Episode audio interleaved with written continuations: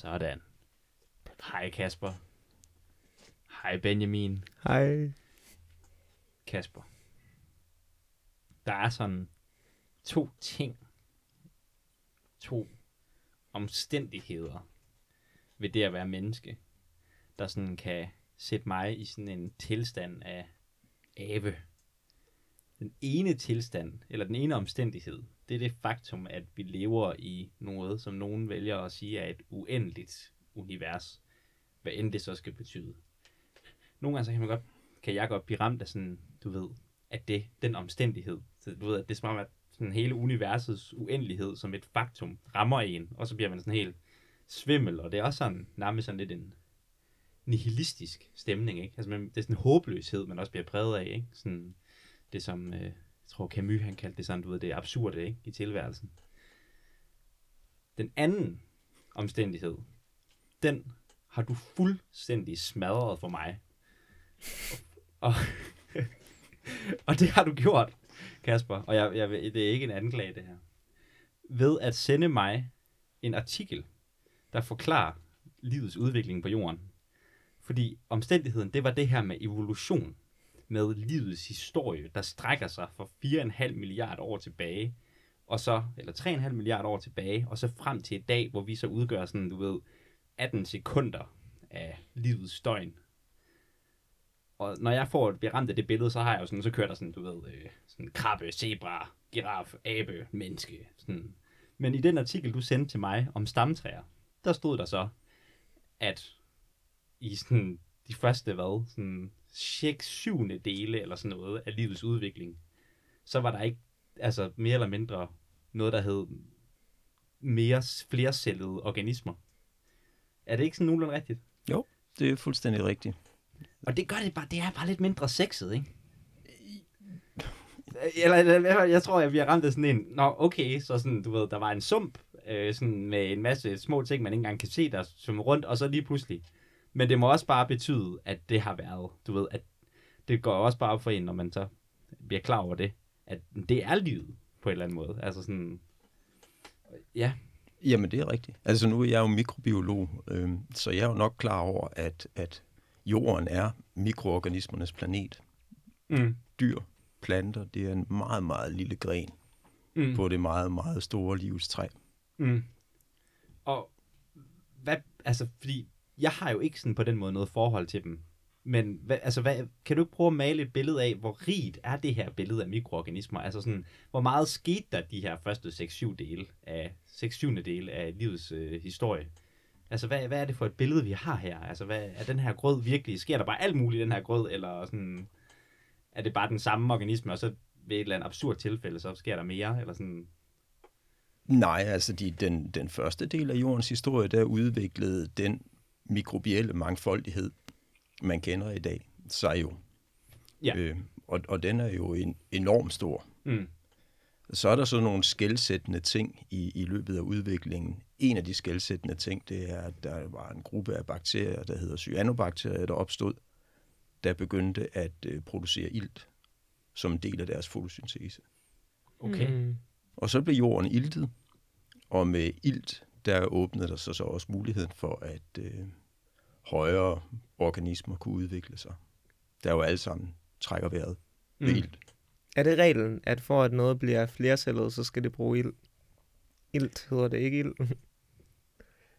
det, det er hovedreglen. Der er enkelte eksempler. Jeg tror, der er små juledyr, der kan leve uden ilt også. Okay. Men, men ilt har været en drivende kraft i, i det her.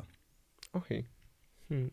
Hvorimod mikroorganismernes verden, den, øh, de trives helt fint uden ilt. Hvad lever, hvad, hvad lever de af? Ja, altså, hvis de lever af noget?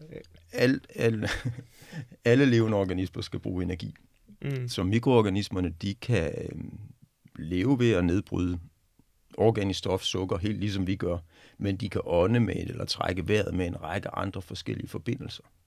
Lige fra øh, nitrat til sulfat til metaller.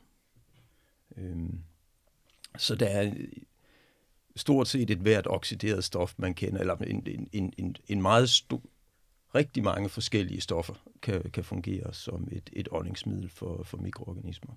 Og det er ikke, selvfølgelig ikke sådan, at, at enhver mikroorganisme kan udnytte et hvert stof. En mikroorganisme er specialiseret på et stof. Mm. Øh, og det er jo så deres ånding med forskellige stoffer, der driver stofkredsløbet i naturen.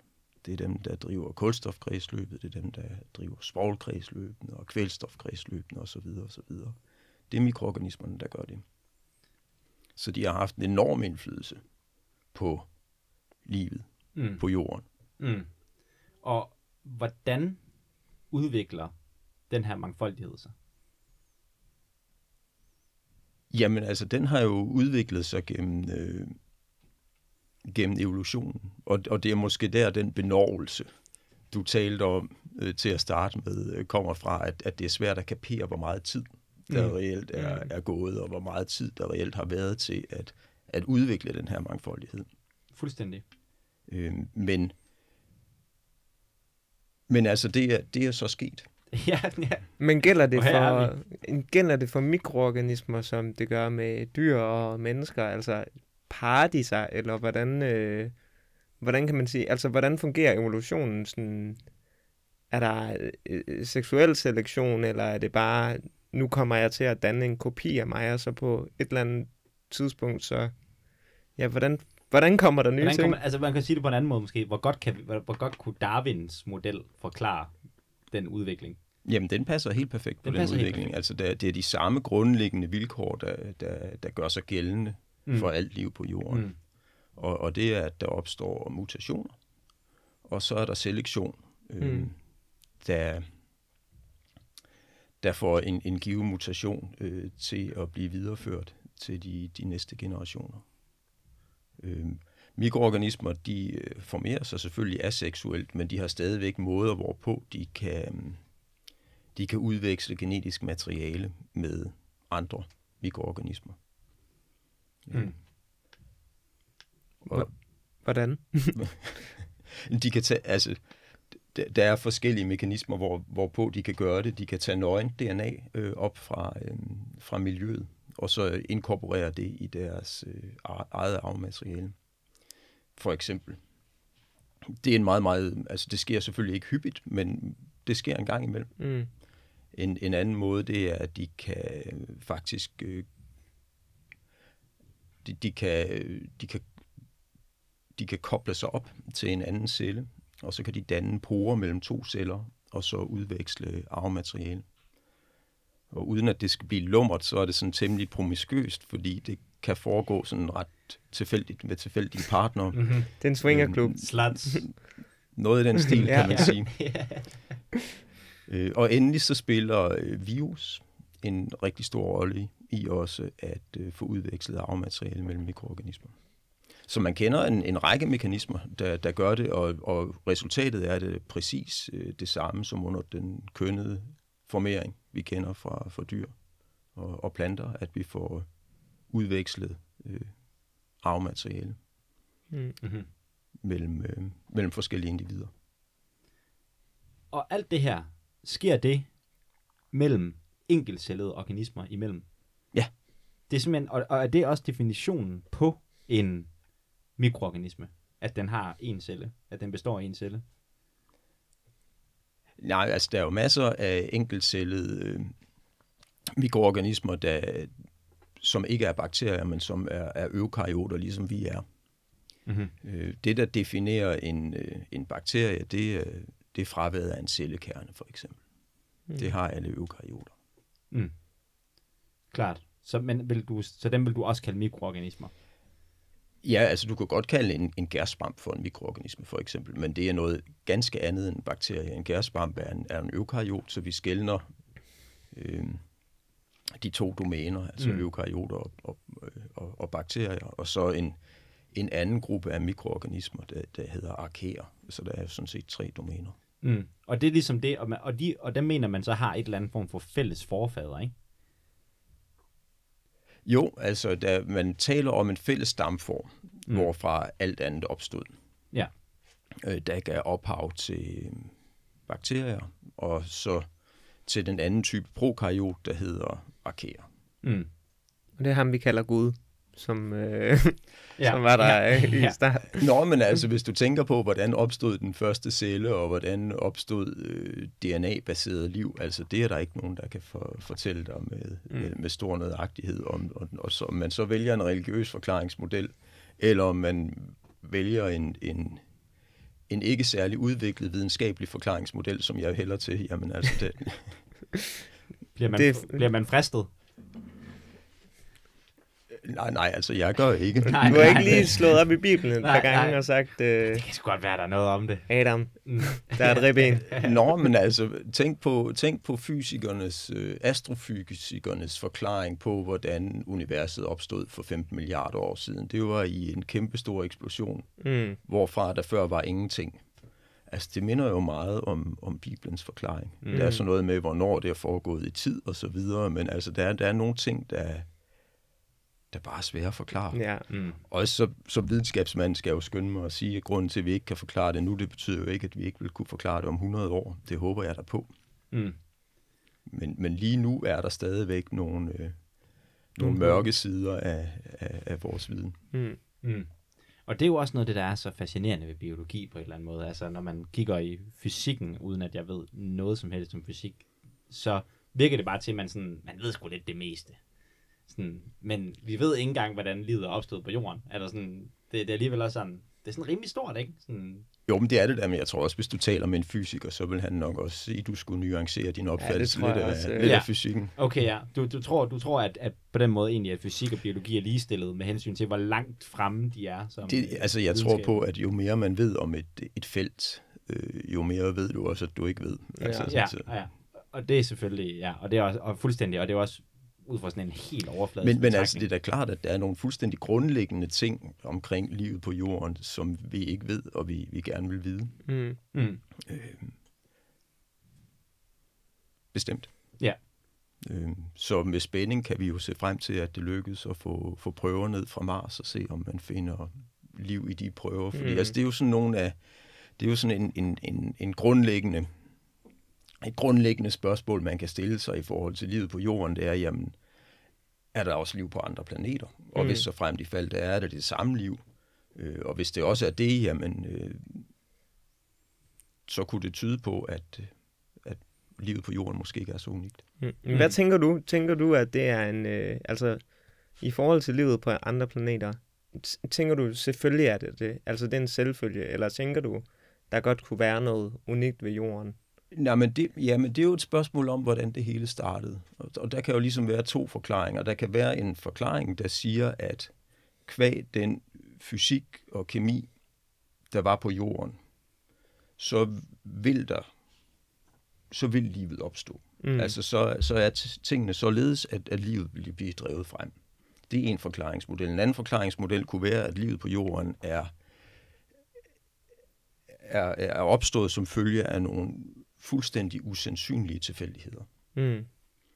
Hvis mm. man nu finder liv på en, vores nærmeste planeter, og man kan sige, at det ikke er et, et, et, er et resultat af spredning, men nærmere et resultat af, at, at, at, øh, man er stort set samme sted i, i solsystemet, altså så, så tæt på en, på en stjerne osv., videre, jamen så tyder det jo på, at livet det bare vil drive sig selv frem, mm. hvis omstændighederne er til det.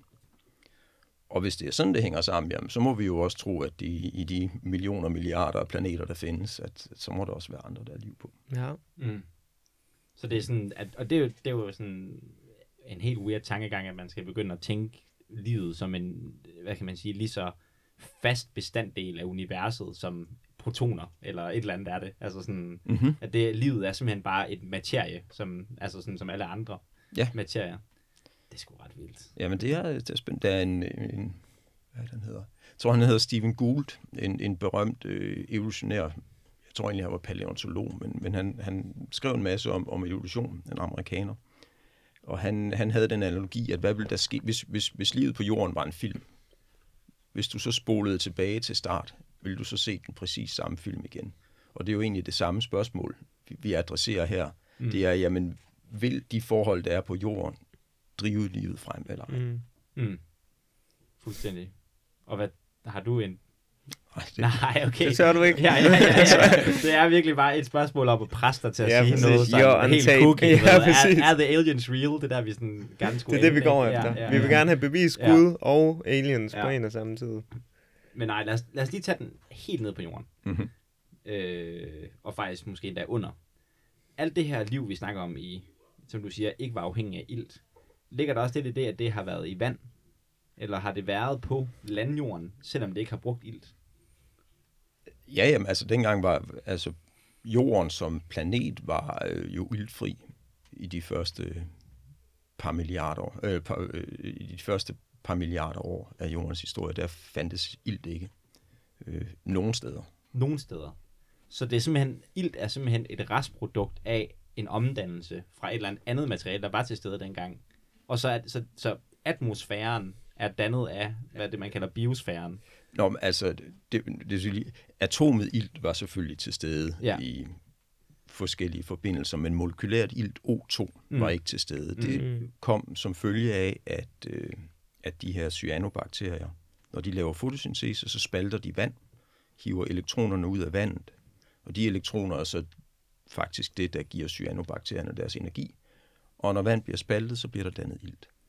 Mm-hmm. Og det er den ilt, og er det øh, stadig de med. cyanobakterier, der gør det i dag, eller er de uddøde for længst, eller hvad siger man? Nej, det er nogle af de mest øh, hyppige organismer på, på jorden. Det er cyanobakterier i verdenshavene. Og, Men, det er dem, der, og de laver alt ilten? De laver alt ilten sammen med de grønne planter, men ja. de grønne planter laver ilten, fordi de har indgået en symbiose øh, for ah.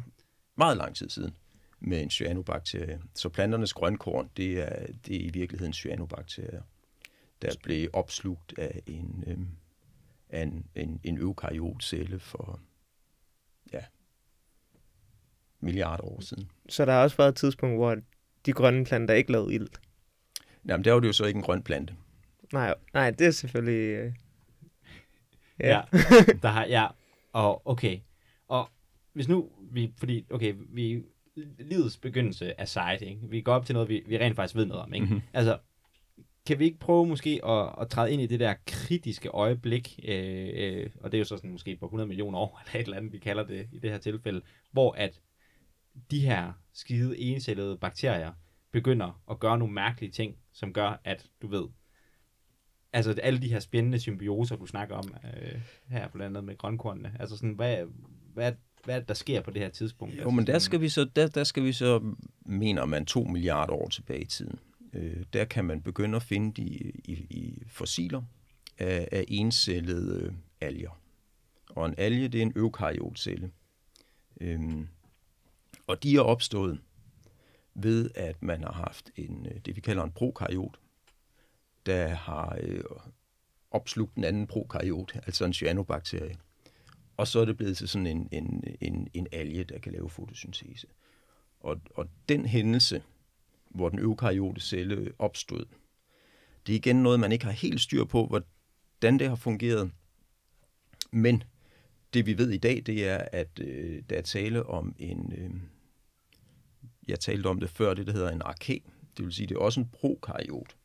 Det er noget, der ligner en bakterie, men alligevel er væsensforskellig for en bakterie, men det er også en encellet øh, organisme, der har opslugt en bakterie.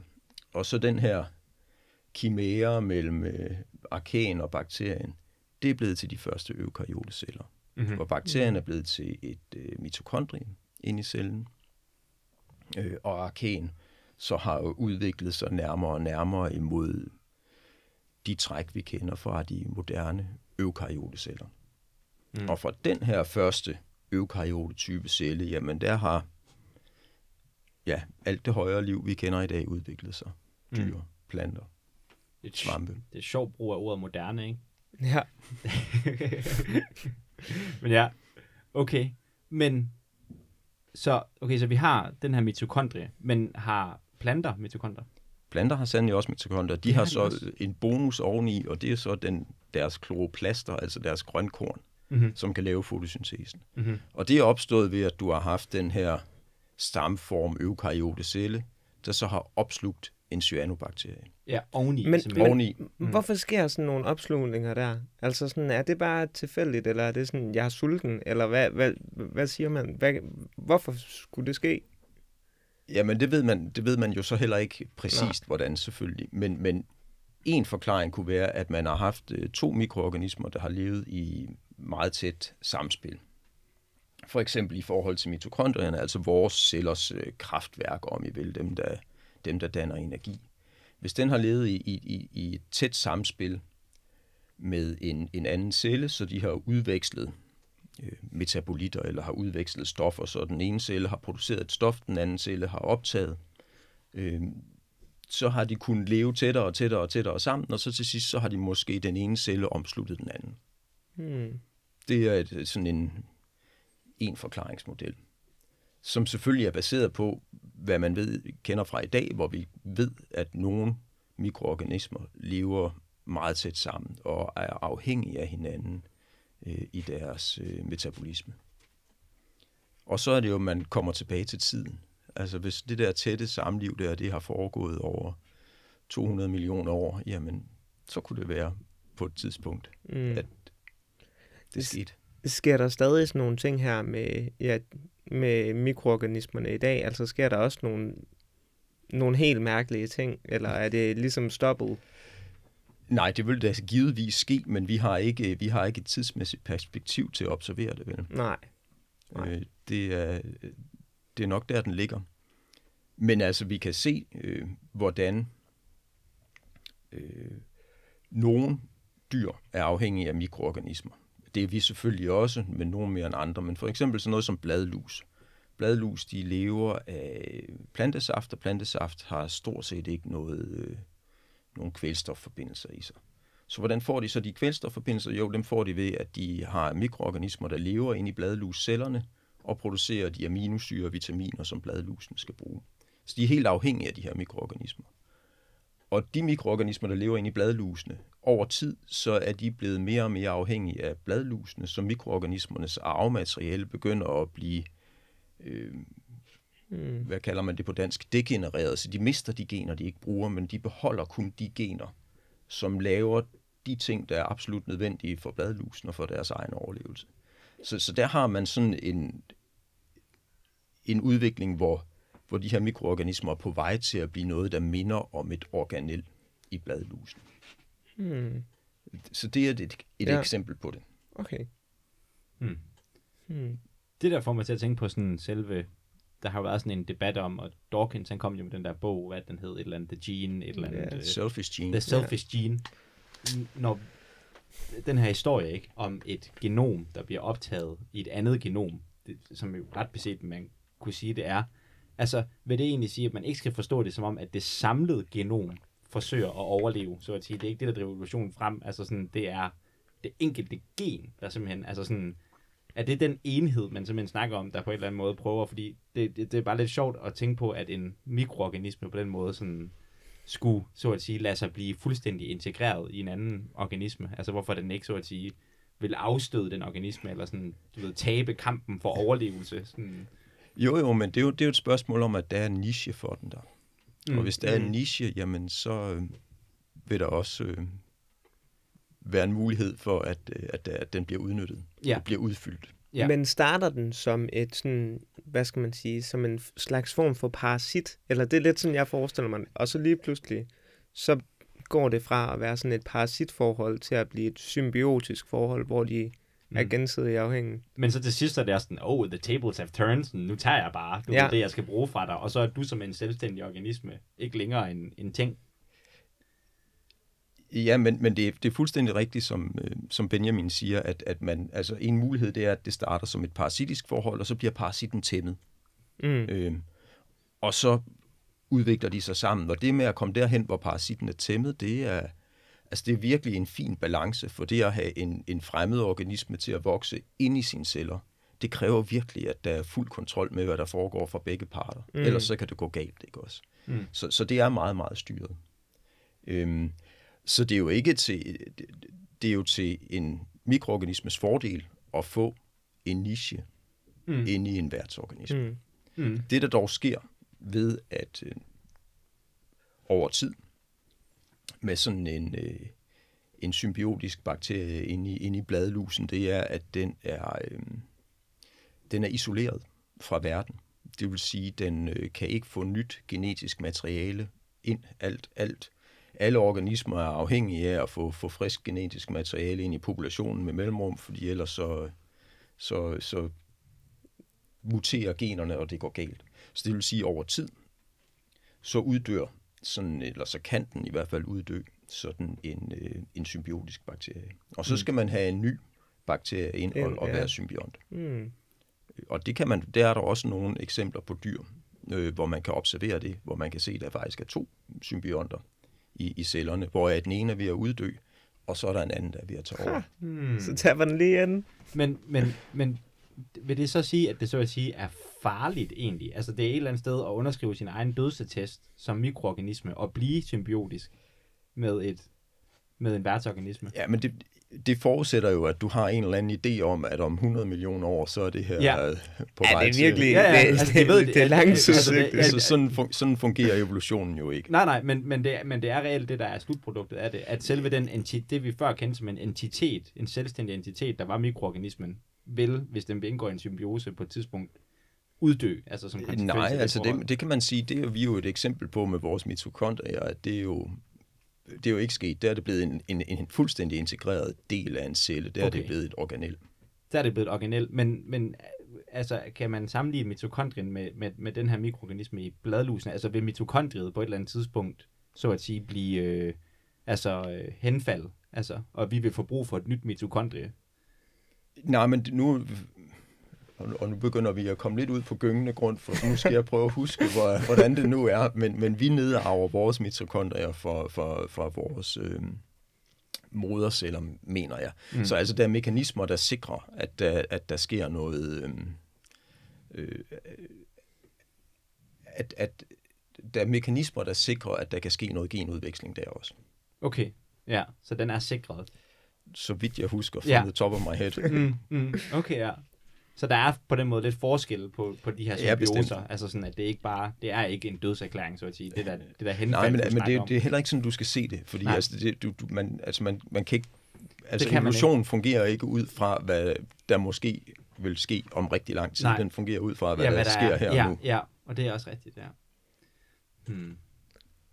Du nævnte, hvis vi hopper, hvad, for 20 minutter siden tilbage, der nævnte du, øh, der nævnte du virus. Mm-hmm.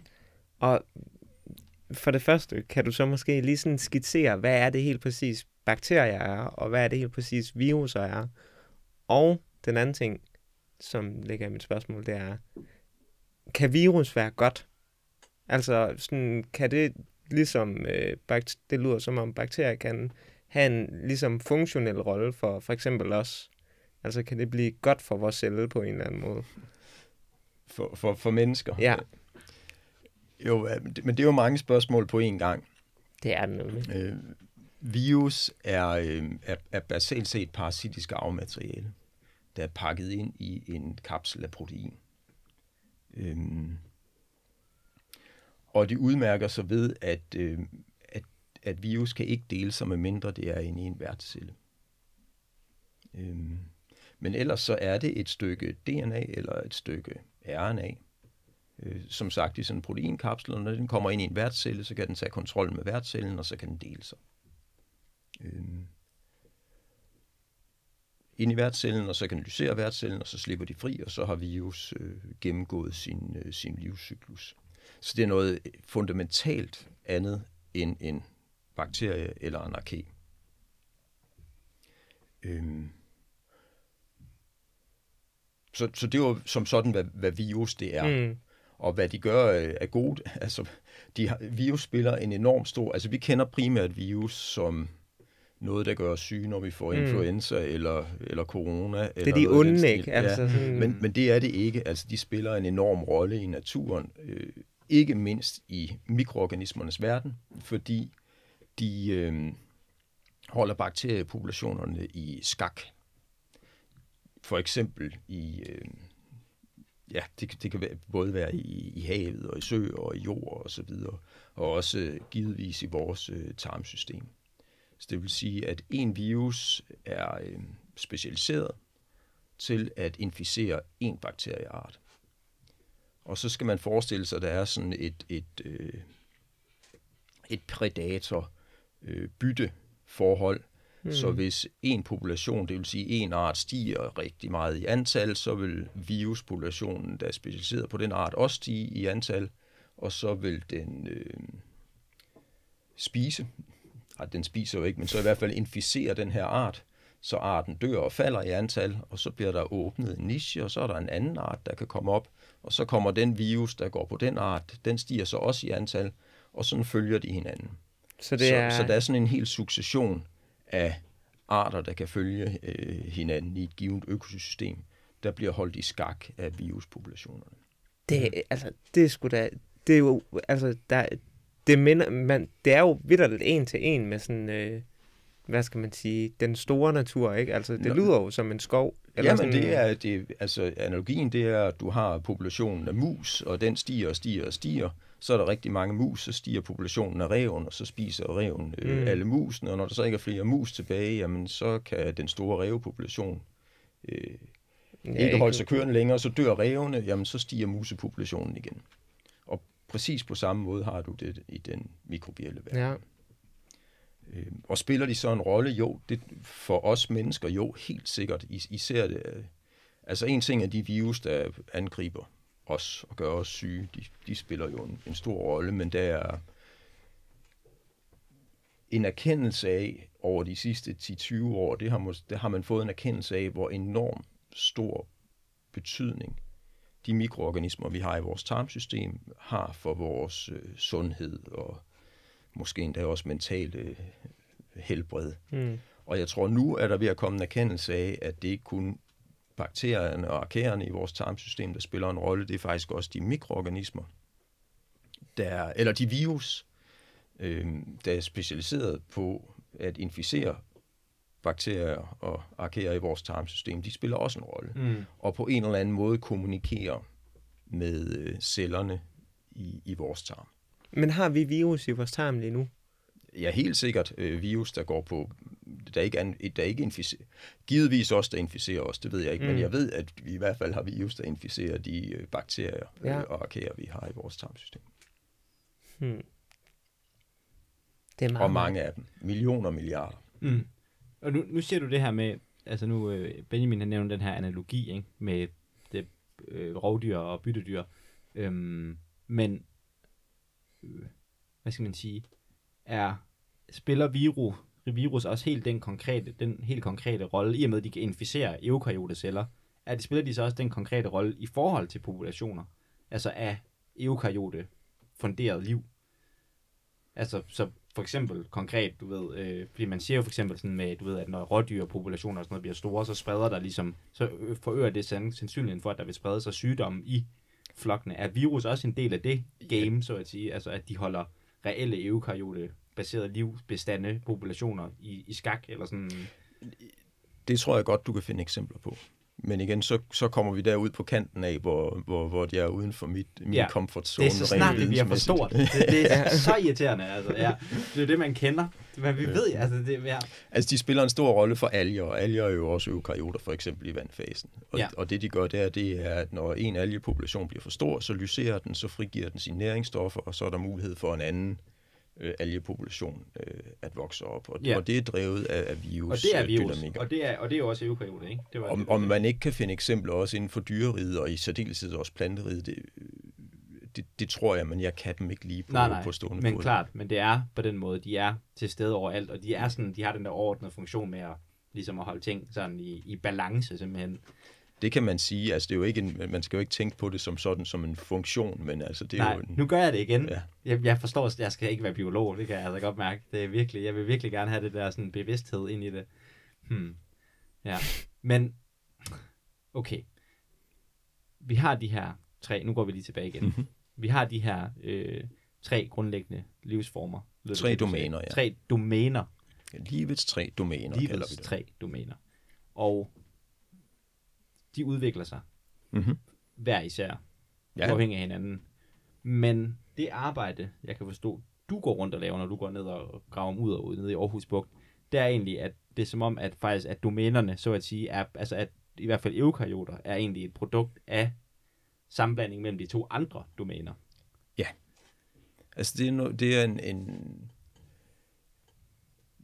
det er rigtigt. Det er en, en, en opdagelse, der er blevet gjort inden for de sidste 10 år. Det er, at, at eukaryoternes stamform faktisk var en arke. Mm. Øhm, og så kan du spørge, hvad en arke er. En arke er, ligner en bakterie i det, at det er en, en lille øh, encellet prokaryot. Et par mymeter i, i diameter måske, uden cellekerne. Øhm, men eukaryoterne er opstået ved, at sådan en arkecelle har optaget en, en, en bakterie, og bakterien bliver til mitokondriet, og så, så er at den her konstruktion, den har udviklet sig mod eukaryoterne. Ja.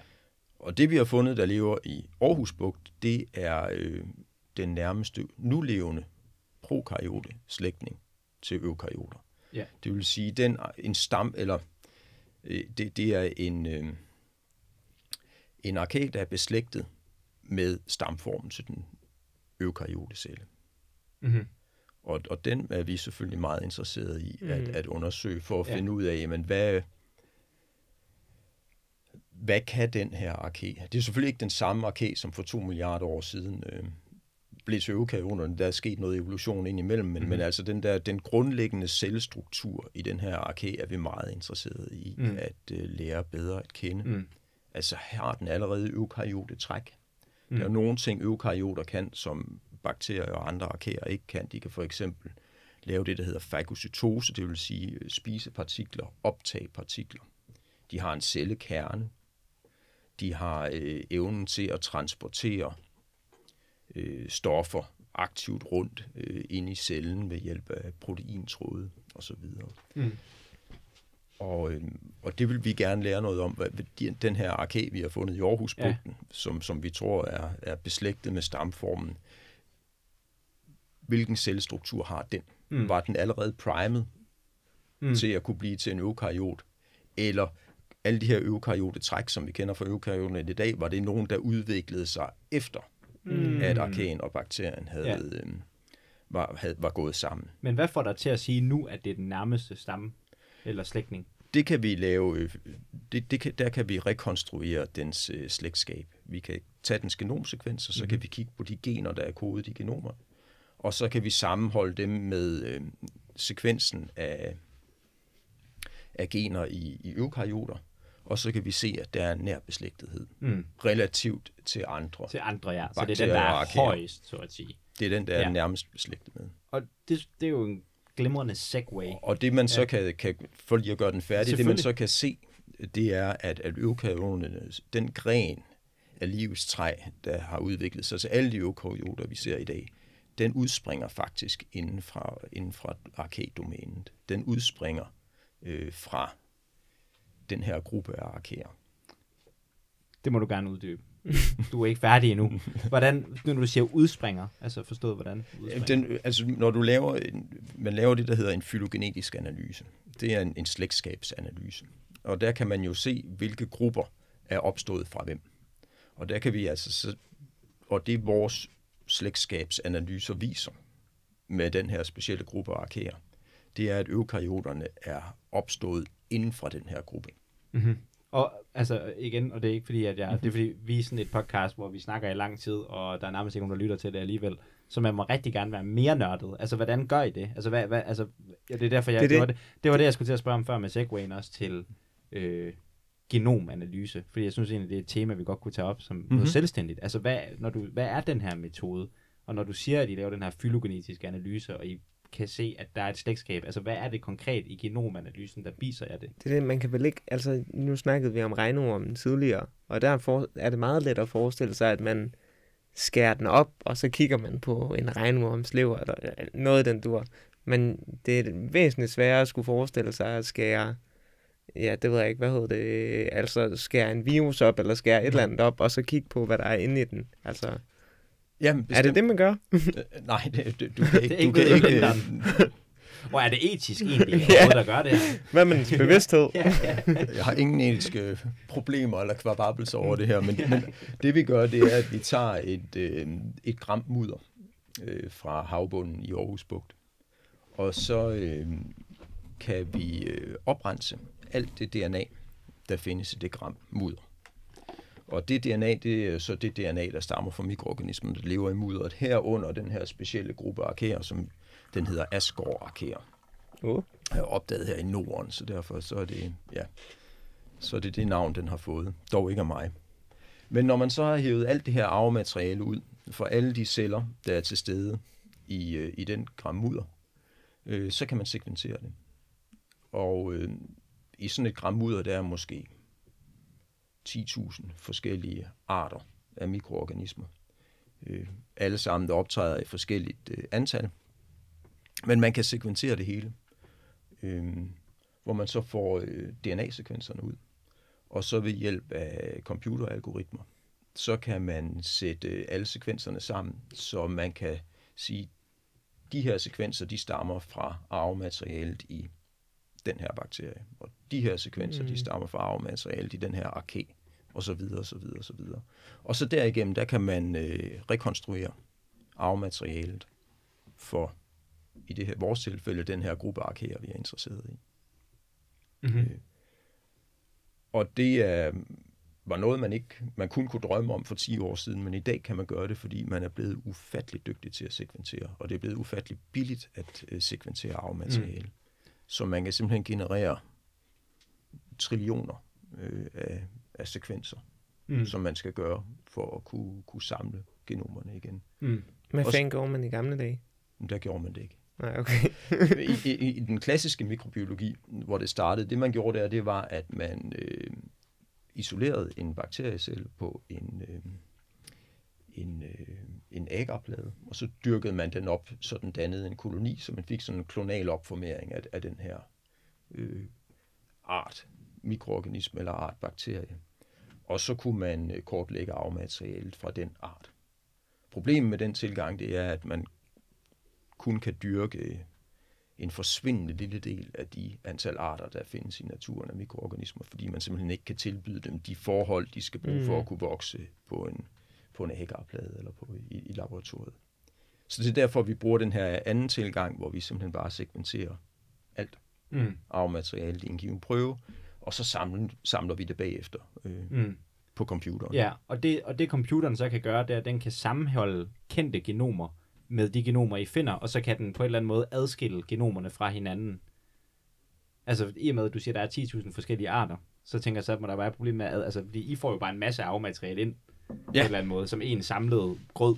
Mm-hmm. Men I skal så have adskilt de her Så adskiller vi dem, så de forskellige ja, arter... og det må vel ske ved, at I allerede kender genomerne for nogle organismer, så at sige, som, I kan, som computeren kan sammenholde de genomer, I finder dels, dels det, men dels også det at lægge øh, puslespillet. Så det, hvis du har en masse stumpe arvemateriale, så passer mm. de oven på hinanden. Øh, mm. Så, så du, det, det svarer til at lægge et puslespil, og så lægger du et puslespil for hvert mm. genom. Mm. Og et af puslespillene tilsvarer så, eller der er jo sådan typisk flere, men de mm. puslespil, der så tilsvarer de genomer, du er interesseret i, dem tager vi så og arbejder med. Dem tager I så ud?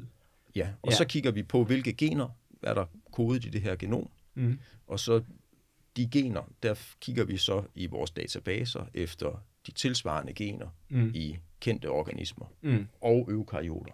Altså vi, vi koder nogle af de samme gener for sådan de der helt essentielle funktioner, der definerer livet som proteinsyntese og DNA-syntese mm. og, og, og, og transkriptionen om og så videre. Så der kan man finde de samme gener på tværs ja, af domænerne. Mm. Og så kan vi øh, ved at sammenligne basesekvensen i de her gener på tværs af de forskellige grupper, vi mm. sammenligner, jamen så kan vi rekonstruere deres slægtskabsforhold. Mm.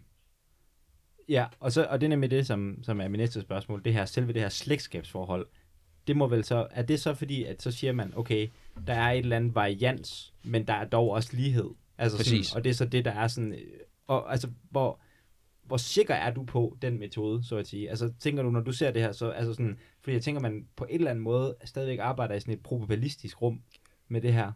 Helt bestemt. Altså, man, man siger også, at man estimerer et slægtskab. Ja. Mm. Øh, ja. Så, så det er et, et bedste estimat, og det, og det er jo kun et bedste estimat ud fra de data, du har til rådighed.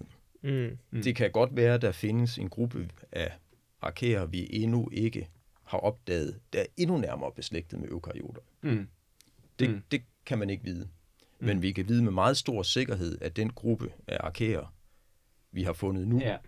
er nærmere beslægtet end alt andet kendt mm. i den prokaryote verden, altså i bakterie- og arkæverdenen, at, at de er meget nærmere beslægtet til eukaryoterne end alle de andre er. Klart. Og kører man så inden for mikrobiologien også ind med et 95 procents, øh, hvad hedder det, øh, konfidens, øh, sikkerhed, eller hvad man skal sige, altså, eller skal vi helt ned, det må kun være 1 procent sandsynlighed for, at den her sammenhæng ikke holder? Jamen, det, altså, det... altså vi, man arbejder selvfølgelig med statistik. Ja. Men jeg tror ikke, du kan sætte, altså, og du kan godt sætte statistik på det her, mm. hvor man, øh, man, hvor man kan bruge forskellige øh, algoritmer til at udregne de her slægtskabsforhold med, og du skal selvfølgelig gerne få det samme svar, uafhængigt af, mm. hvilken algoritme du bruger. Øh, og du kan prøve at øh, tage dele af dit datasæt og analysere, og hele datasættet og analysere. Du kan prøve at fjerne nogle arter fra datasættet, og du kan prøve at sætte nogle flere arter ind i datasættet, mm. og, og du skal gerne ramme den, det samme, det, det ja, samme ja, ja, resultat. Ja, ja. Ja. Så det er måden, du kan gøre det på. Mm. Det, du, vi kan jo ikke, altså normalt, når man laver et eksperiment, så laver man replikation og gentager eksperimentet mm. et antal gange. Det, det er svært at gøre med slægtskabsanalyser, fordi du har jo kun det datasæt, ja, du har. Ja, ja, ja. Mm. Mm. Men når du så, nu var du inde på det her før med, sådan, hvad kan man sige, de funktionelle forskelle på en bro og en eukaryot, ikke? Øhm, hvad er det så i de her arkæbakterier, når I så laver den her øh, analyse af genomet og sammenligner det med den eukaryote celle? Altså er der nogen, på den måde nogle, nogle specifikke gener? Er der noget, noget særlig funktionalitet, der gør, at du ved, altså sådan i de gener, I har undersøgt, så at sige? Ja, men det der, det der er specielt, det er, at, at vi faktisk i de her arkager også finder gener, der koder for der koder for ting, som man ellers kun troede, man obs- ville observere blandt eukaryoter. Altså koder for ting, mm. der definerer eukaryoter.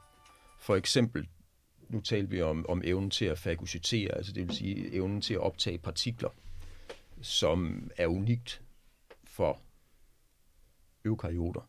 De gener, der koder den egenskab, dem finder vi faktisk også nogle af mm. i de her arkager. Kan de gøre det?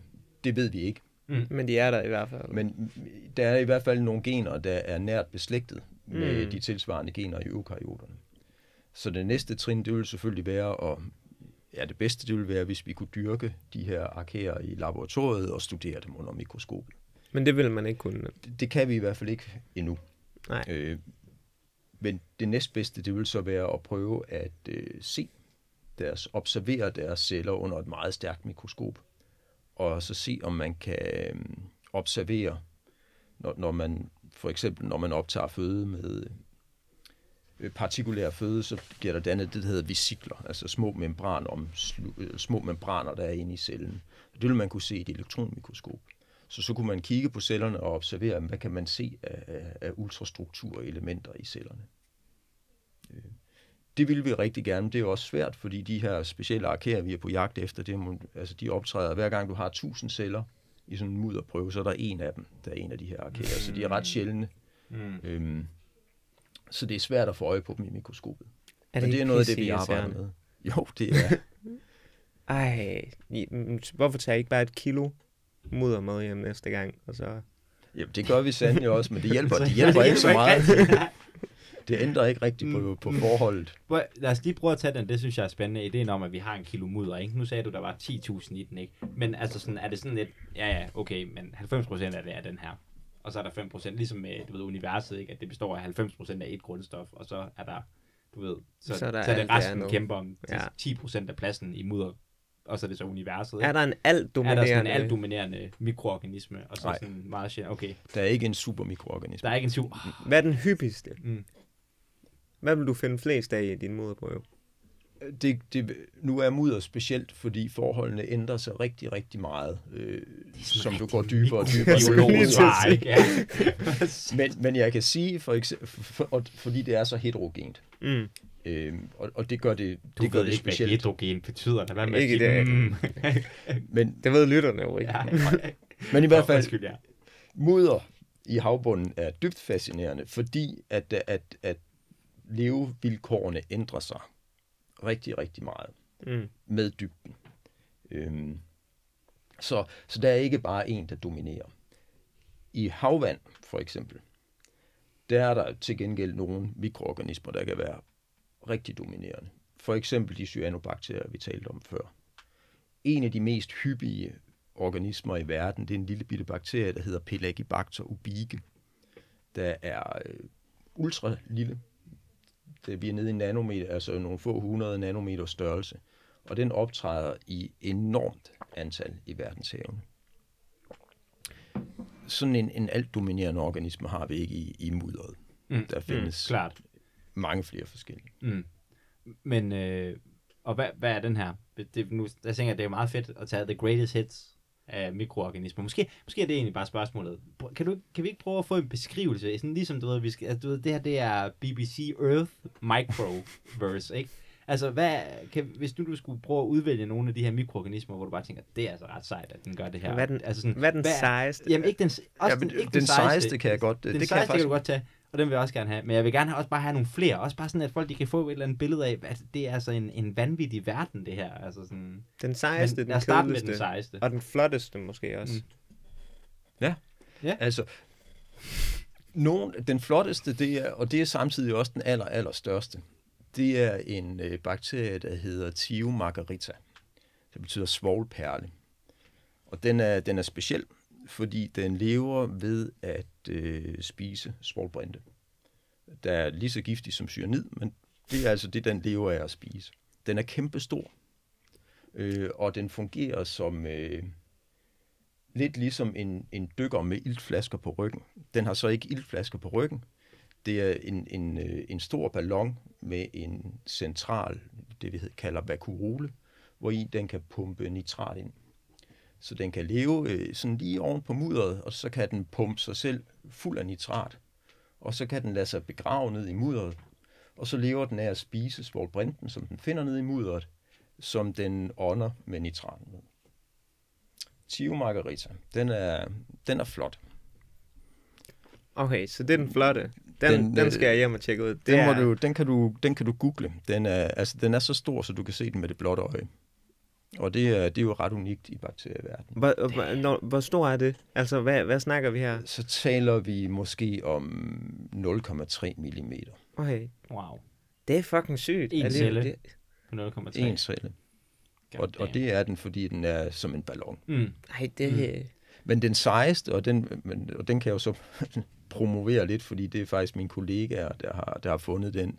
Det er det, vi kalder for en kabelbakterie og den er, øh, den er verdens bedste øh, elektrisk ledende organiske struktur. Så det er en bakterie, der lever som lange tråde, og så øh, i den ene ende af tråden, der kan den ånde med ilt, og i den anden ende af tråden, der kan den omsætte igen svovlbrinte faktisk. Og så kan den sende elektroner, helt ligesom en, øh, en koverledning, fra den ene ende til den anden ende. Øhm, og det er sådan, den lever. Så, så den er en elektrisk ledende bakterie. It's electrifying. Og den er, altså den er spændende, og den er jo også spændende. Altså dels er der en masse bioteknologiske perspektiver i, at der har man verdens bedste organiske superleder. Mm. Mm. Vi, vi ved så ikke, hvad det er for et molekyle, der kan lede elektroner i den. Men man kan måle, at den kan lede elektronerne. Altså det er der, hvor vi begynder at snakke om superpowers, ikke? Hvis man lige kan få det ført den ind i mennesket. Ja. Jeg vil godt melde mig som forsøgsperson til det, hvis jeg kan lære at skyde strøm. Mm. det var drømmen. og han har, øj, du har magten derovre, Kasper. Det kan jeg godt mærke. Hvad, altså, hvad Hvor stor er den ja. så? Jamen, den er ikke særlig bred, men den kan være rigtig, rigtig lang. Den kan faktisk være centimeter lang, til trods for, at den kun er en 1 meter, altså okay. en tusindedel millimeter. Men den kan godt være... Meget lang. Okay. Ufattelig lang i den mikrobielle verden. Ja. Hvis, øh, igen, hvis du tager sådan en, en kvadratcentimeter overflade mudder, så kan der være kilometervis af, af tråde af den her elektrisk ledende bakterie ned i mudderet. Det er ordentligt mærkeligt at tænke ja, på. det er det nemlig. Nu har vi snakket om det her med, at, at øh, der er de her symbioser osv., men er, kan, er, er prokaryoter, eller kan prokaryoter være flokdyr? Wolfpack? Jamen altså, det kan man... Øh,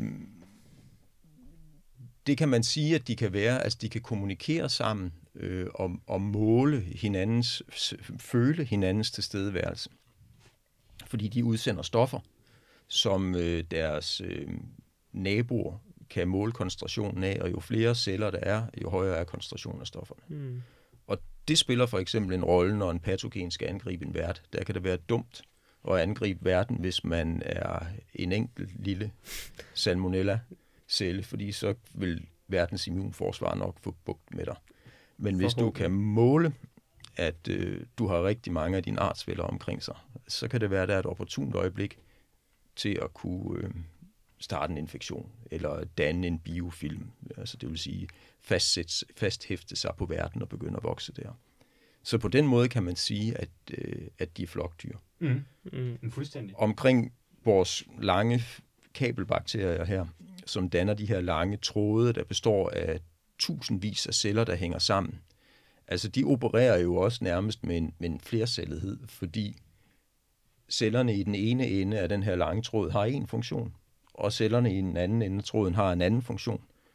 Og de er fuldstændig afhængige af hinanden, mm. ligesom vi er afhængige af, at vores lunger mm. øh, ja, optager ilten, mm. og vores øh, tarmsystem optager øh, føde. Mm. Og er der sådan en ontogene, ontogenese, ontogenese i det? Altså sådan, at nogle af de her celler, når de bliver dannet, bliver specialiseret, så at sige, det ene. Og sådan, kan, har de sådan en, du ved, ligesom ja, mennesker jo har det. Sådan. Ja, givetvis. Vi ved det bare ikke endnu. Nej, men det kunne man godt spekulere i. Altså, der vil, altså de, vil, de har jo helt sikkert det samme genetiske potentiale, men man kunne sagtens ja. spekulere i, at nogle celler havde udtrykt en bestemt type protein, og andre celler ikke havde det. Mm. I den her lange tråd. Mm. Mm. Og det er, sådan, det, det er sådan noget, altså også det et eksempel, du gav med den der, der pustede sig selv op, og så lagde sig ned, ikke? Altså det er også bare sådan noget, der fuldstændig bryder med min forståelse af en mikroorganisme sådan kompleksitet, ikke? At den jo på den måde har en adfærd, og en mm. måske sådan ret kompleks adfærd endda, ikke? Altså sådan... Ja, den, er, den er ikke bare en gobbel, der... Nej, den flyder ikke bare rundt i sit miljø, den er sådan en aktiv øh, ting i den, altså en spiller i den, og, og præger sit miljø jo også på den måde. Ja, altså ja, sådan, bestemt. Ja, det er måske også åbent. Det har du lige sagt. Det er dem, der har gjort, der er ilt. Så det er sådan en rimelig, rimelig fedt move øh, for os i hvert fald. Men ja, men det, men det, er også, det synes jeg også er... Men altså, og det er jo en, en, en erkendelse, man er ved at nå nu. Altså en, igen med inspiration for, for det, jeg vil kalde makroøkologien. Altså der taler man om, øh, hvad hedder det på dansk? På engelsk hedder det keystone species. Det vil sige nogle arter, der har evnen til radikalt at ændre et, et økosystem. Altså en... Øh, et klassisk eksempel er bæveren. Altså bæveren, den bygger en dæmning, så stemmer du vand op på den ene mm. side af dæmningen. Det ændrer jo fuldstændig landskabet og, og, og, og ja, økosystem på den ene side af dæmningen, men også på den anden side af dæmningen. Mm. Så sådan en bæver, den kan virkelig ændre et, et landskab radikalt. Øh, og man kunne sagtens forestille sig, at der er bakterier, der kan gøre det samme ved deres tilstedeværelse. Altså det lyder det som om, at de her ilt guys har ændret verden. Selvfølgelig, ja ja. Men... Er der andre? Det ved man måske ikke. Jamen igen, altså de er, det, det er et spørgsmål om skala, fordi ja. altså en, en centimeter eller en halv centimeter er jo et, øh, et kontinent i den, ja, i den mikrobielle verden. Ja. Så, så der er nogle mikroorganismer, mm. der kan, kan gøre det, bestemt. If I could change the world. Mm er det sådan, er der, findes der sådan det tilsvarende til sådan et akvarie inden for den mikrobielle verden? Sådan, er der mennesker derude, der sådan sidder og har sådan en halv centimeter, de sidder og leger med, sådan, hvor man kan sidde sådan, har du, altså kan man godt lave i sådan noget på, øh, nede Så fodrer I lige den sødeste ja, af dem. Sådan, ja, med, ja, med lidt, jo, øh, vi dyrker, vi dyrker masser af mikroorganismer, men, mm. men helt klassisk. Har du det, en, du har navngivet et eller andet, et kæledyr? Jeg har navngivet flere mikroorganismer, men man må ikke, øh, der, der, er, meget, altså der, der er et helt øh, internationalt organ, der holder styr på navngivning af mikroorganismer. Så der er meget stærke regler for, hvad man må kalde ting. Øhm. Okay. Har du fundet på et sjovt navn til nogen nu? Nej, jeg, jeg kan ikke bryste mig med, at der er nogen, at jeg har fundet på et sjovt navn, men der, er, der er andre, der har gjort det. Der er en, øh, der er en lille bakterie, der lever inde i, øh, faktisk i cellekernen af, jeg kan ikke huske, om det er en alge, eller om det er en søpung, eller et eller andet marint dyr. Og der er altså en, der har kaldt øh, den her bakterie for midichloridian med en slet skjult reference til Star Wars og, øh, mm. og øh, cellerne, der lever, der findes i, i Jedi-riddernes blod. Okay. Midichloridian. Hvor, hvor er referencen? Jeg forstår det ikke. Jamen, nu skal jeg prøve at se, om jeg kan huske mit gamle du? Star Wars, men det er noget med... Det er Star øh, Wars-reference. Ja, ja. Det er, noget, er det ikke noget med, at, øh, at, at de her Jedi-ridere, de mm. har øh, noget, der hedder midiklorid i, okay, det er i, et eller andet i, i blodet. Okay, det, tror det, jeg, når det er, er simpelthen ja. en ting, okay. Der må du lige hjem og google okay. lidt. Så det er simpelthen, det er decideret den, den samme lille ting ind i dem. Og nu, nu skal, jeg skal ikke slå mig op som Star Wars nørd, altså det her det ligger tilbage i, ja, ja. Øh, okay, i historien, okay, okay. Men, men, øh, men, men der er i hvert fald en reference der, så okay. der er nogen, der har kaldt den... Ej, øh, jeg vil kalde, hvis det var mig, der havde fundet en, så ville jeg kalde den Benjamini. Ja. ja, men det må du ikke. Du må ikke opkalde den efter dig selv. Det må man det ikke. Må man ikke. Nej, det er Hvorfor må man ikke det? Det er da kedeligt. Der er nok nogle store egoer, der kunne finde på at lave rav i den, kunne jeg forestille sig. Ja, ja, ja. ja. Jeg er også en Kasper 1, Kasper 2, Kasper 3. Det er det. Nu snakkede vi om ja. Julius Caesar i går, som åbenbart kaldte alle sine pigebørn for Julia. Så det ja. vil nok være den samme ting, der skete med de der bakterier. Øh, men hvis du er stor nok, så må andre gerne opkalde den, den efter, efter dig. dig. Okay. Mm. Det er måske også, det er egentlig en meget god regel, synes jeg. Mm. Vi snakkede om, at et, et al i går også. Det kunne også være meget sjovt at kalde den det. Ja. Altså sådan Kasper ja. et al, eller bare sådan give den et forfatternavn. ja. Sådan alt efter, hvor mange der havde været med til at finde den. Men okay. Øhm, hvad var der? Der var, der var... Okay, nu smider jeg bare en ting i hovedet på dig. Øh, sådan figurativt. Jeg så noget mega sygt her forleden omkring nogle organismer, der lever, lever på havbunden, der laver sådan noget kemo fotosyntese eller sådan noget. De laver kemosyntese. Ja, kemosyntese. Kan vi ikke lige prøve, vil du prøve lige at forklare, hvad det er? Jo, men det vil jeg gerne. Altså, det fot- fotosyntese, det er der, hvor du udnytter solens lys til at opbygge biomasse.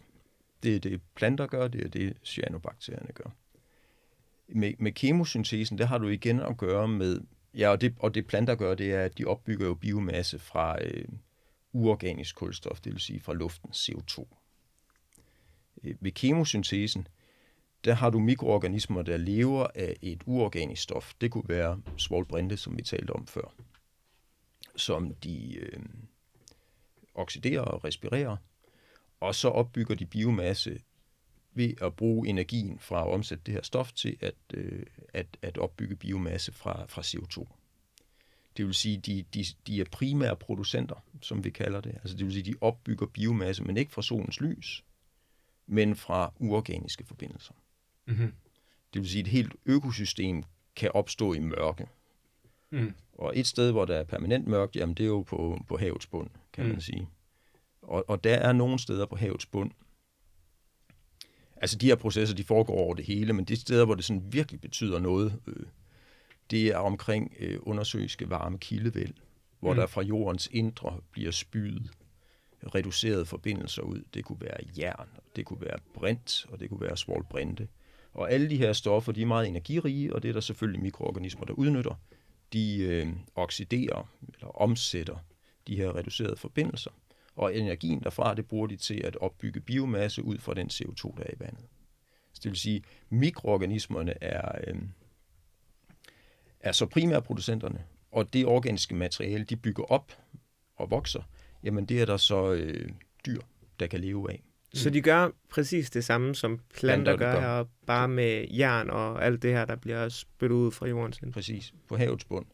Så det, det vil sige, at det dernede, dernede der er der liv, der kører fuldstændig uafhængigt af, hvad der foregår oppe i, i så, så, ovenover. Så, så sollys er egentlig ikke en forudsætning for, at liv kan finde sted?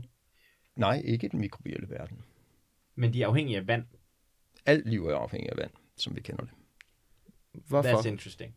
Why? Ja. ja. Hvorfor? Jamen, fordi alle enzymatiske reaktioner øh, skal foregå i en vandig opløsning.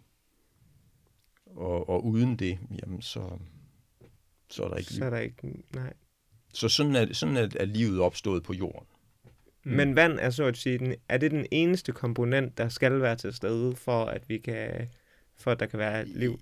Alt altså, andet er i og for sig ligegyldigt. Ja, så er der så kulstofbaserede forbindelser, ikke også? Altså, der skal, det er kulstof, der er, der er hovedbyggestenen mm. ja. i, øhm, i, i, i celler. Mm. Og så selvfølgelig de andre. Fosfor, brint, kvælstof mm. så videre. Kan, kunne du, hvis nu, altså, kan man i dag med uorganisk materiale, om man vil, øh, hvis vi siger, at kulstof ikke er det, før det ligesom er i en forbindelse med vand, for eksempel, eller sådan, kunne man så godt lave liv i dag? Nej, altså der har du nok problem, at du ikke har tiden til det. Mm. Hmm. Altså der er meget berømte, der er nogle berømte eksperimenter tilbage i, øh, i 50'erne, hvor, hvor øh, to forskere, Yuri og Miller, tror jeg, de hed, men de tog en, en glaskugle, og så øh, isolerede de den, men fyldte den op med, med vand og med uorganiske forbindelser. Og så satte de elektricitet til, der sådan skulle simulere lyn, der kunne opstå. Og så kunne de se, at, at under de her betingelser, jamen der blev der opbygget organisk materiale. En, en tynd, tynd suppe af organisk materiale. Og så argumenterede de, jamen der kan man bare se, altså på den tidlige jord, der var måske lynudladning, og så var der uorganiske forbindelser, og det alene var nok til at danne organiske materialer.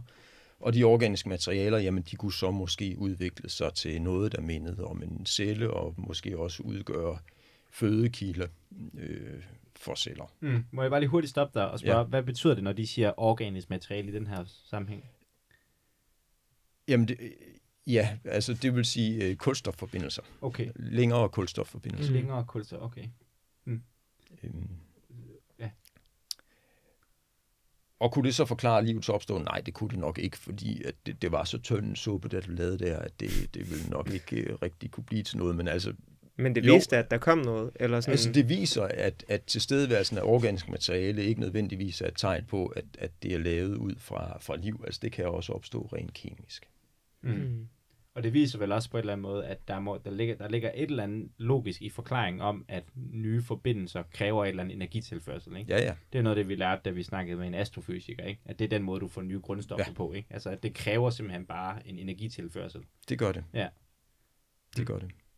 Og når du opbygger, hvis vi skal tilbage til kemosyntesen, jeg ved, som er super interessant, synes mm. jeg. Altså det mm. der med, at du kan have liv, der opstår, og, bliver, hele økosystemer, der er drevet i, i mørke, er spændende. Dels for at forstå livet på jorden, men måske også forstå livet på det er det, andre det, man planeter. Har lyst til at, ja. ja. Øhm, men, men altså, der er jo også en energitilførsel, og det er jo så de reducerede forbindelser, der kommer ud fra, fra de her dybe kilder. Mm, men det er det, vi, vi kan være sikre på, at i hvert fald mange planeter har, ikke? at de må have et eller andet form for ting, det ved jeg ikke, har de fleste planeter ikke en kerne? Jo, det må de jo i sagens natur altså have. Sådan, og det er vel der, hvor al den energi kommer fra. Der må være et eller andet... Jo, jo, altså, altså der er jo der, sikkert. Mm. Altså nu er vi igen ude der, hvor jeg ikke... Ja, ja, ja, ja, ja.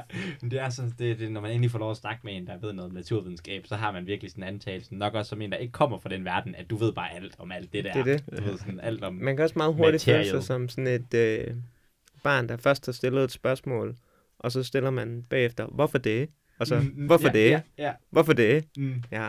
Og man kan også bare føle sig dum. Altså, ja, det er, også det, det, er altså, sådan, det. det er sgu lækkert. Jeg føler mig virkelig bare sådan, jeg ved det ikke. Også bare sådan, når, jeg sådan, når du sådan siger til mig sådan, ja, der misforstår du så lige evolutionen. Så man sådan, nå, okay, jamen, så ved jeg ingenting åbenbart. Det, Den lækker følelse.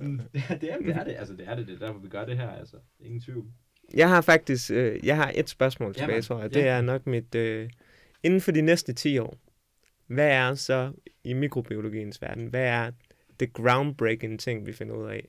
Hvad, hvor, hvor sker der noget spændende i mikrobiologien lige nu? Hvor tror du, der kommer gennembrud inden for de næste 10 år? Altså, det, det kommer meget an på, hvilket felt inden for mikrobiologien, du be, beskæftiger dig med. Mm.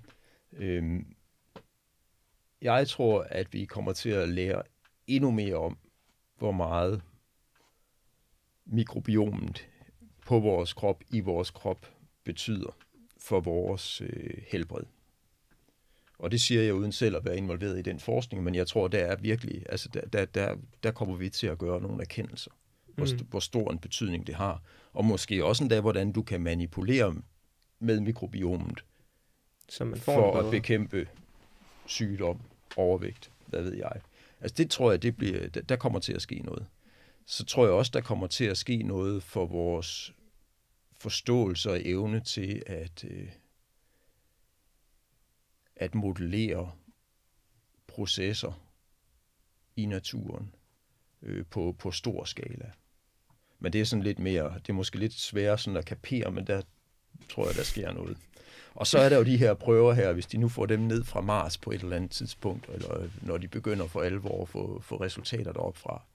Altså hvis de nu fandt tegn på, på mikrobiel aktivitet, det ville det vil, det vil være spændende. Oh, så skal der jo åbne champagne, hva'?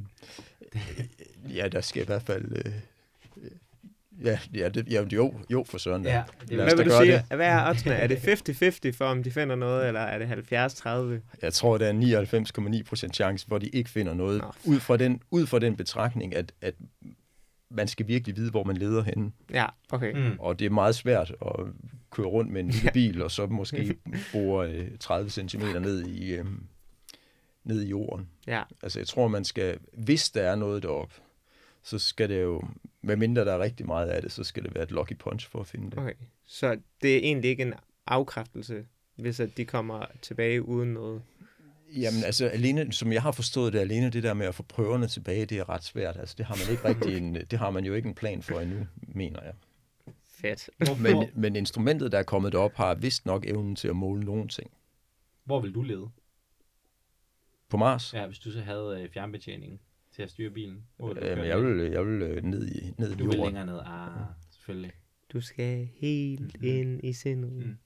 Okay, jeg har et sidste spørgsmål, kontroversielt spørgsmål, mm-hmm. og øh, du må jo bare sige, hvis du ikke har nogen holdning til det, eller ikke, ja, nu siger jeg det bare. Det er fordi, nu snakker jeg om det her med viruser før, og du snakker om det her med, at viruser er specialiseret til bestemte celletyper.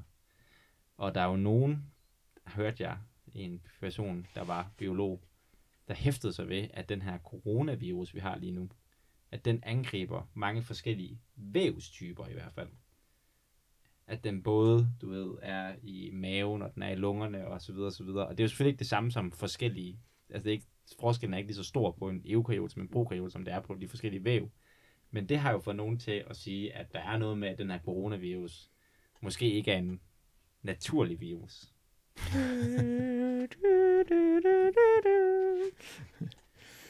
Hvad, det, det, er jo, ja, jeg spørger dig, hvad, hvad har du, hvordan har du det med the lab hypothesis? Og jeg ved godt, vi er ude for dit område her, men jeg, vil, jeg bliver nødt til at lige at smide din vej.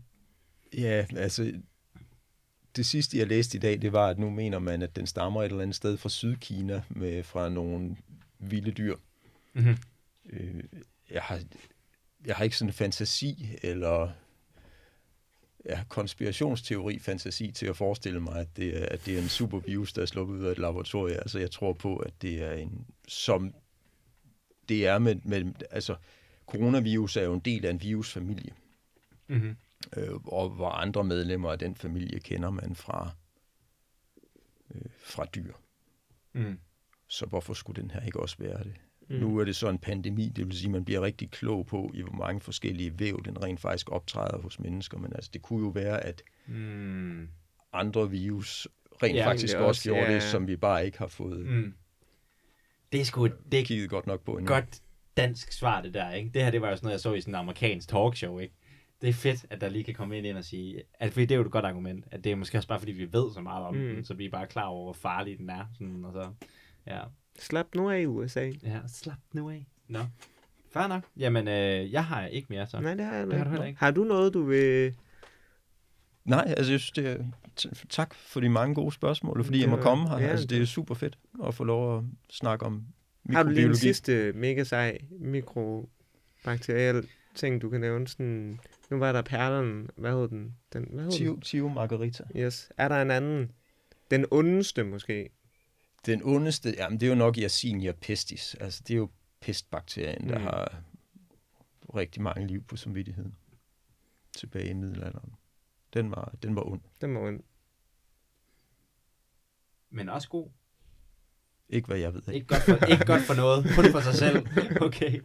Fedt. Jamen, øh, mange tak. Ja, mange tak.